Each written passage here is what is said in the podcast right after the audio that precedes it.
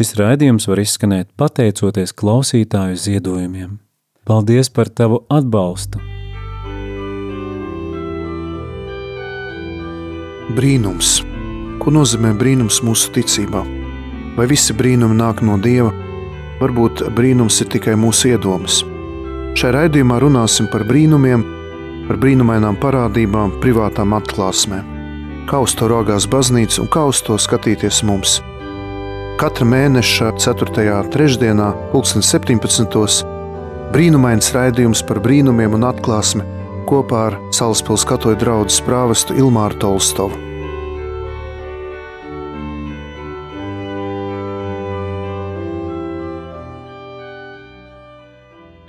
Lai ir slavēts Jēzus Kristus, darbie radījumi arī Latvijas klausītāji, mani sauc Priesteris Ilmārs, un šajā jaunajā sezonā esmu apņēmies eh, veidot raidījumu ciklu par brīnumiem, brīnumainām parādībām un arī par atklāsmēm, kādas ir baznīcā. Eh, sākumā, kad biju izdomājis šo tēmu, pēc tam nošausminājos, es padomāju, no kurienes tad es visu šo informāciju ņemšu.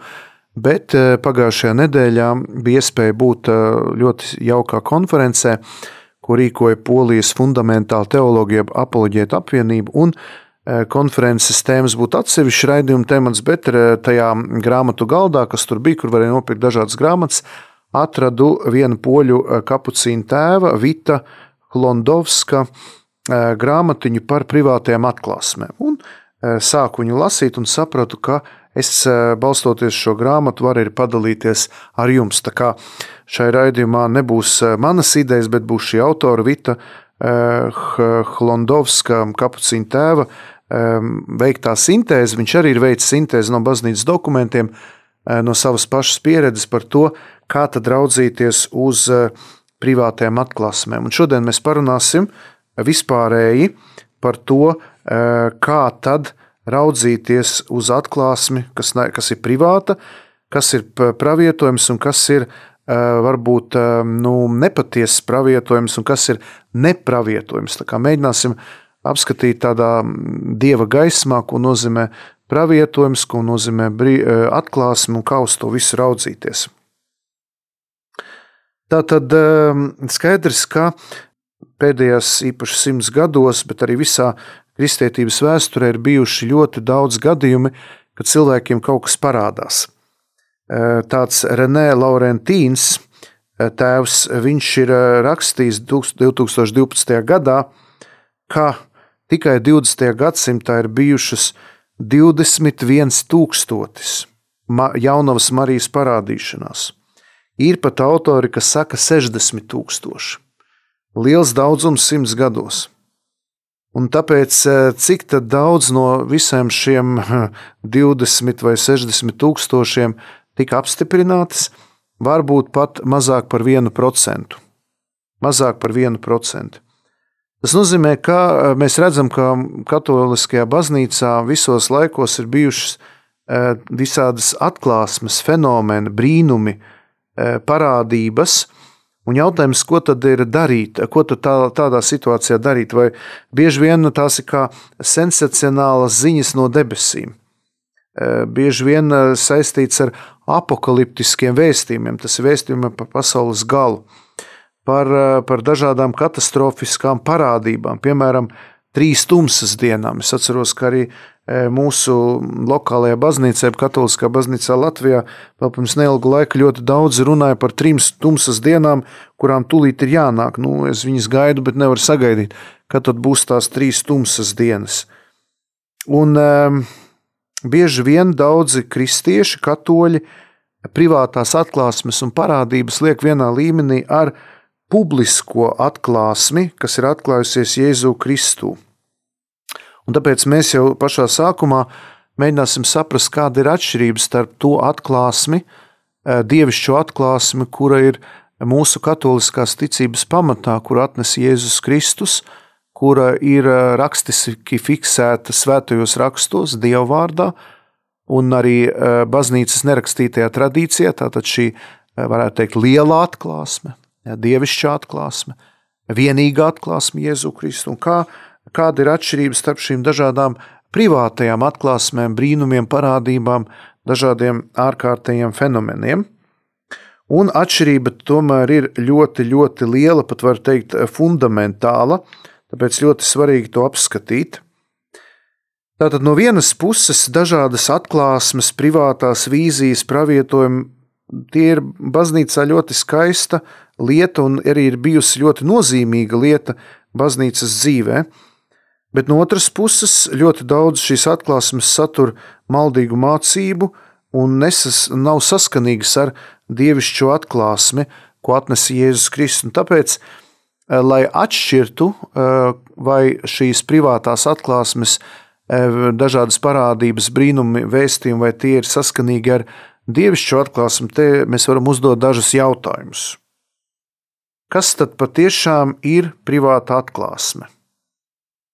Un kāda viņai ir saikne ar šo publisko, jeb vienīgo lielo atklāsmi Jēzu Kristu? Kā atpazīt autentiskumu, lai uh, mēs neiekristu maldos? Kā interpretēt šīs privātās atklāsmes, kas bieži vien dažreiz ir pretrunīgas vienotrai un arī pretrunīgas baznīcas, atklās, baznīcas esošai atklāsmei? Un ko darīt ar svēto atklāsmēm, mm, kas dažreiz pat nu, iebilst ticības patiesībām, vai dažreiz arī konfrontē ticības patiesības? Kā šie ir tie jautājumi, ko mēs mēģināsim atbildēt, ne jau tikai šodien, bet arī eh, laika gaitā, mēģināsim atbildēt uz šiem visiem jautājumiem.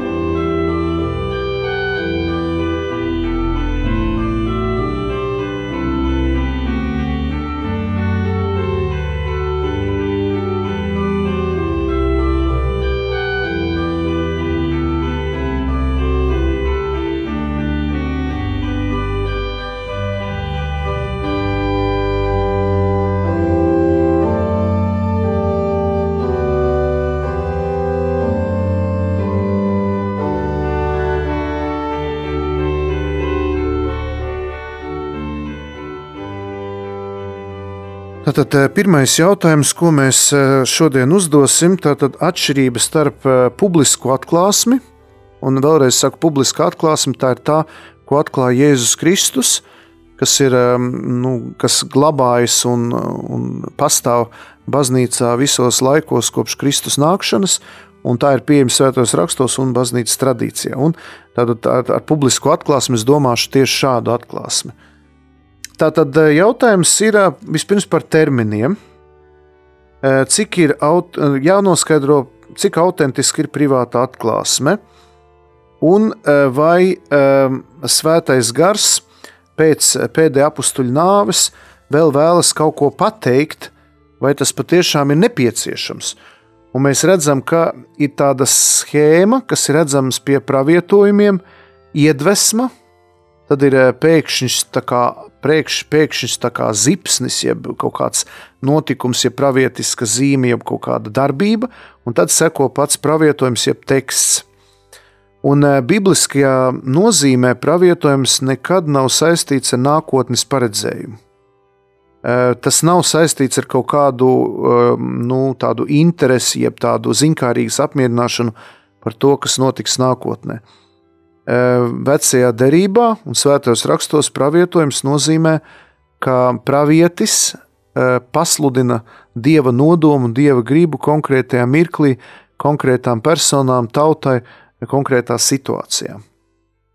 Un šī publiskā atklāsme, kuru atnesa Jēzus Kristus, latīniski tas ir revelācija, tā ir tā kā atklāšana, atklāšanās, tā kā atsekšana. Un, tā tad, bet privāta atklāsme tas ir apar, aparīcio, tas ir notikums, jeb parādība. Un tāpēc šī atklāsme grieķu valodā apakalipsis tā ir galīga, viņa ir dota, un viņai neko klāt nevajag pielikt. Tātad šī publiskā, jeb liela atklāsme, ko mums atnes Jēzus Kristus, ir noslēgusies ar pēdējo apstuļu nāvi, un mēs neko klāt šajā atklāsmē nepieliekam, tikai mēģinām precizēt, mēģinām labāk to izteikt um, konkrētā laikmatā. Arī mūsdienās mēs meklējam jaunus veidus, kā šo atklāsmi padarīt klātesošu, kā viņu vislabāk pasniegt konkrētā laikmeta cilvēkiem. Arī pēc neilga brīža, pēc nedēļas sāksies biskupa sinode par sinodālismu.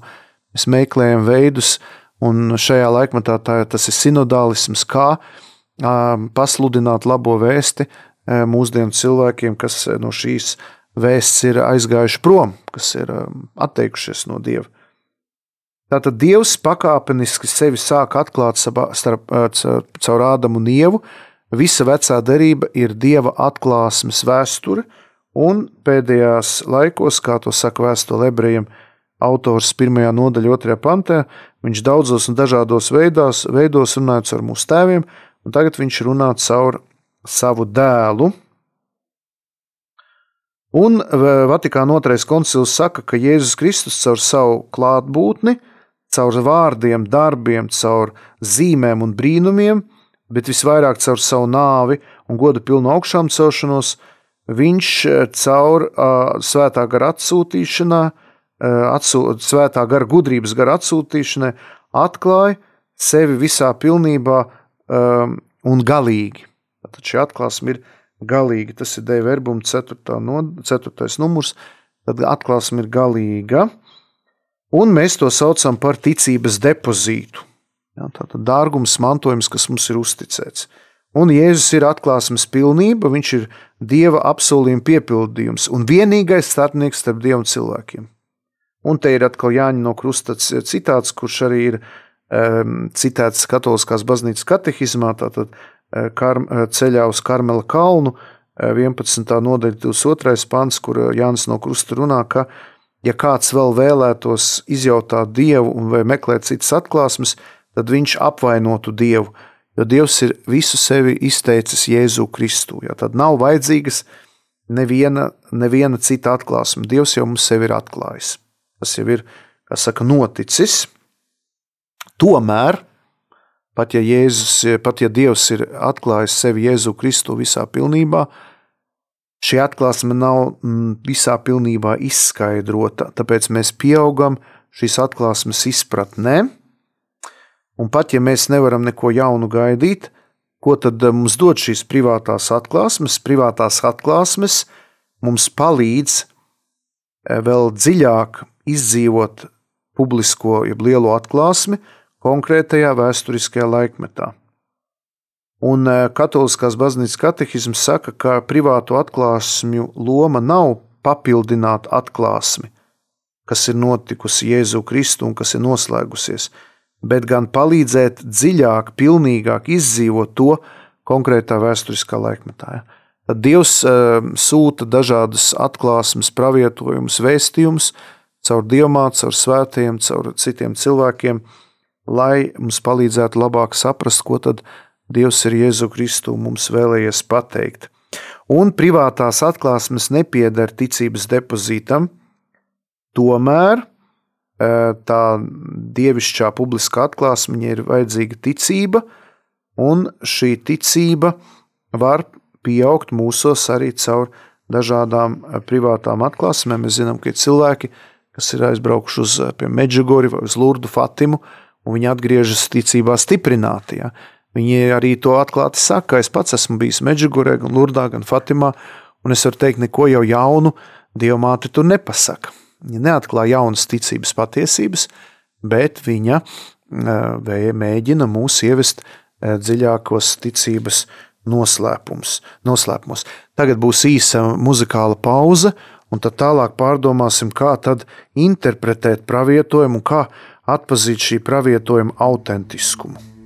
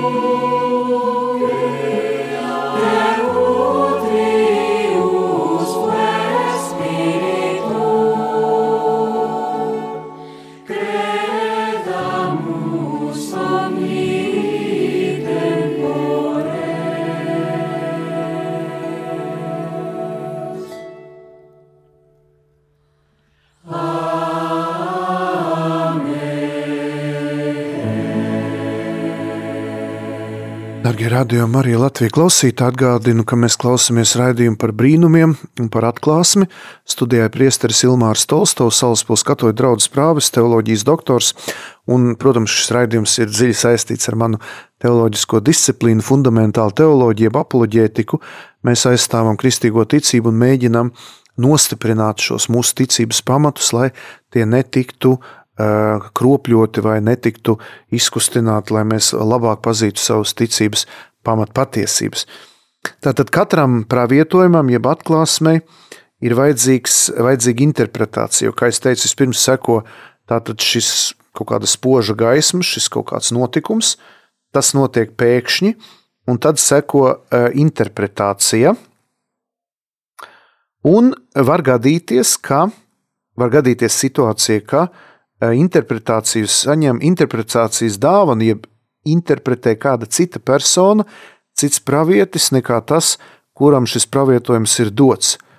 Eh, dažos gadījumos, piemēram, ehm, mēs redzam, ka mazie Fatimas ganiņi vai Lurdas gadījumā svētā Bernadette Subru, viņa pati nebija spējīga interpretēt šos eh, redzējumus notikumus, tad viņa dodas pie garīdzniekiem, viņa uztic, šo redzējumu, dzirdējumu, šo pieredzi baznīcai.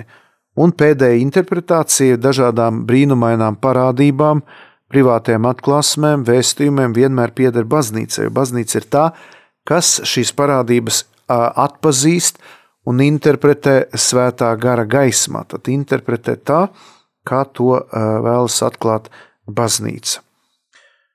Un, protams, ka blakus autentiskai interpretācijai vienmēr seko paralēli arī fatālistiska, jeb maldīga interpretācija.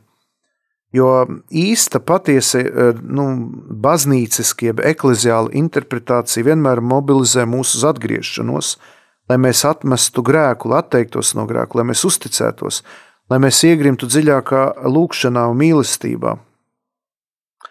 Tomēr ir arī blakus maldīgas interpretācijas, kas cilvēkiem norāda uz dažādām katastrofām un bieži vien ieved tādā fatālismā un bailēs, jo Dievs nekad nebiedēs mums. Tātad nu, veselīga atklāsme ir tā, kas nāk no Dieva, viņa vienmēr vedīs pie Dieva tēva un vedīs arī mīlošā tēva rokās.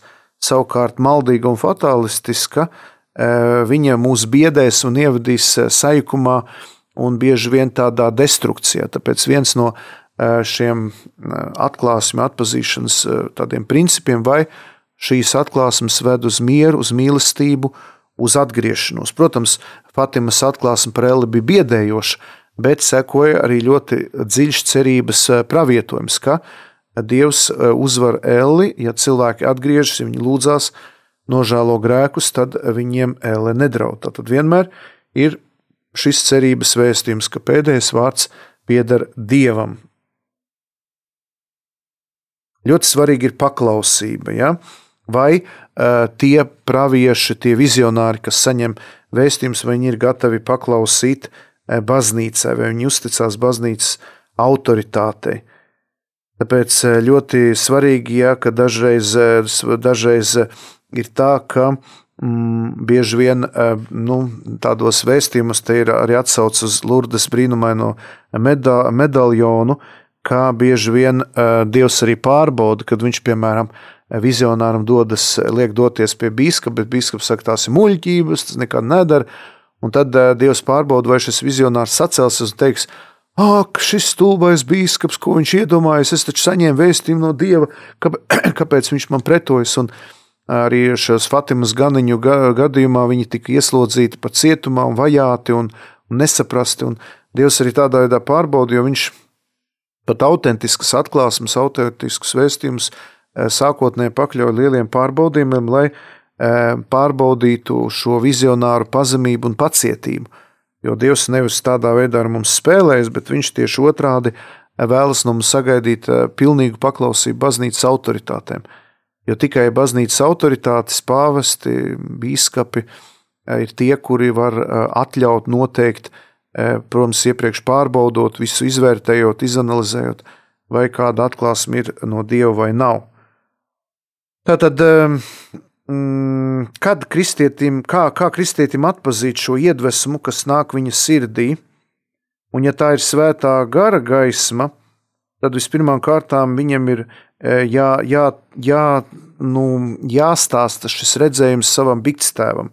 Ļoti svarīgi uzticēties savam bikstēvam, un, e, protams, ka pirmais tātad šis iekšējais forums, izstāstīt bikstēvam, izstāstīt garīgam tēvam, Bet, ja, vēst, ja tas vēstījums ir domāts tikai mums, piemēram, diamāte mums arī privāti var parādīties, vai kāds svētais, vai mēs esam saņemti iedvesmu, tas ir domāts mums personīgi, un to mēs varam paturēt paši sevi.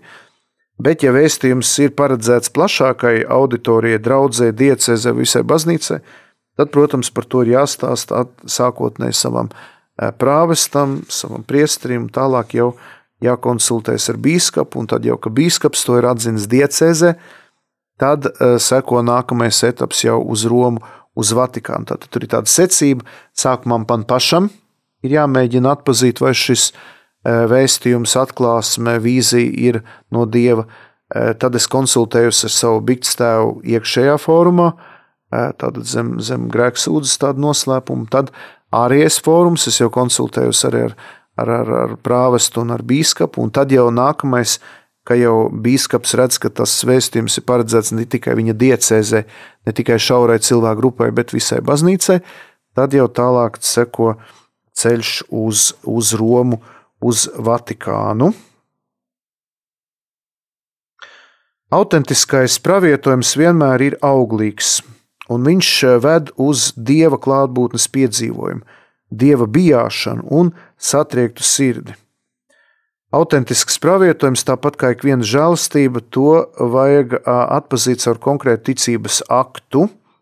Tikai ticībā šāds pravietojums nes augļus, un tā nes dieva spēku, gaismu, virza mūs uz priekšu, virza uz atgriešanos. Ja. Šāda atklāsme ļoti vērtīga un svarīga.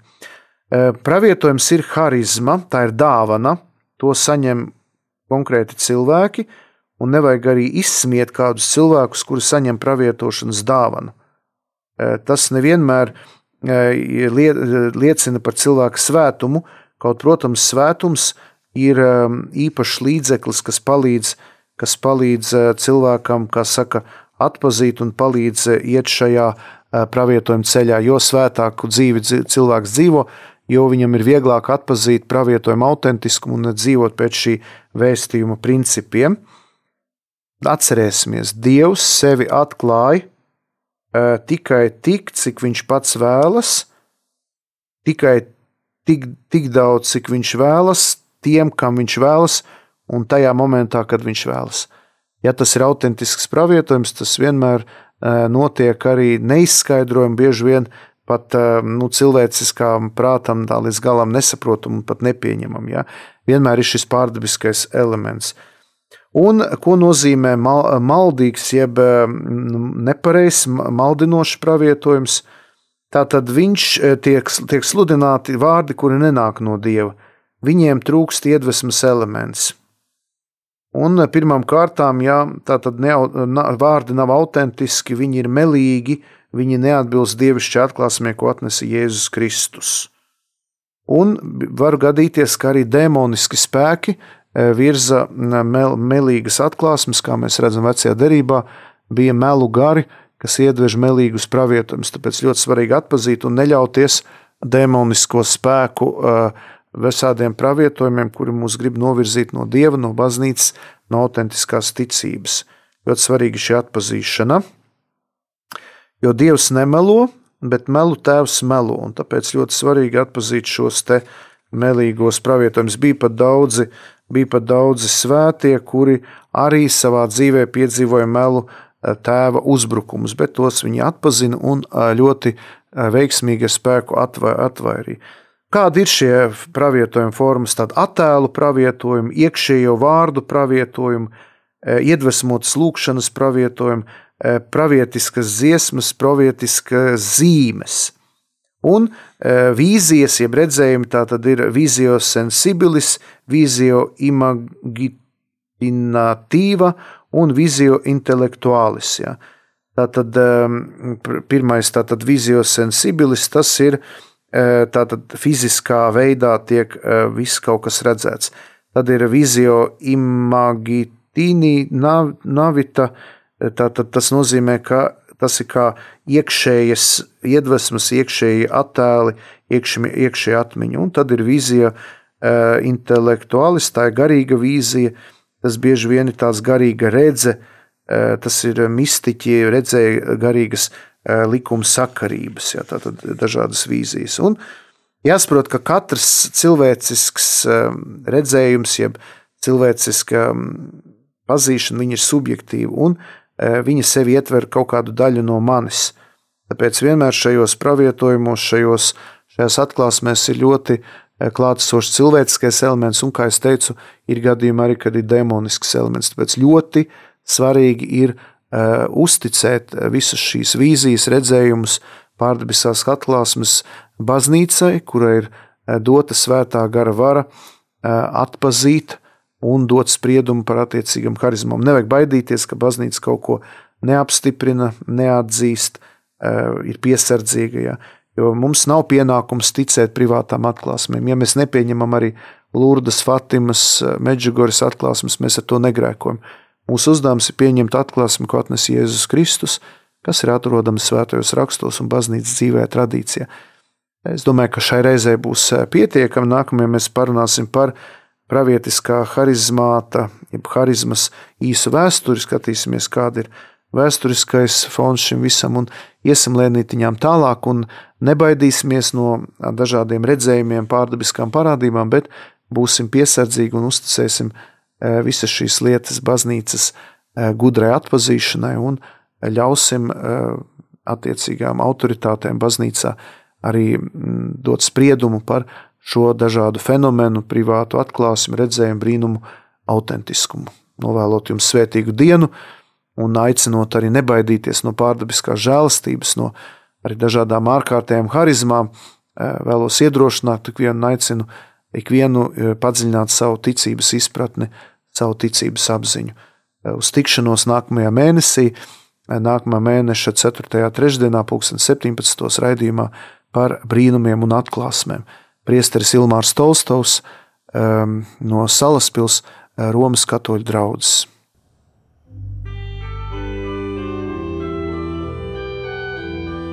Brīnums. Ko nozīmē brīnums mūsu ticībā? Vai visi brīnumi nāk no Dieva? Varbūt brīnums ir tikai mūsu iedomas.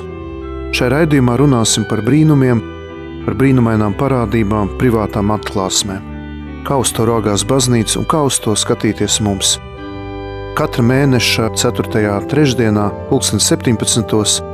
brīnumains raidījums par brīnumiem un atklāsmi kopā ar Salaspils katoļu draugu prāvestu Ilmāru Tolstovu.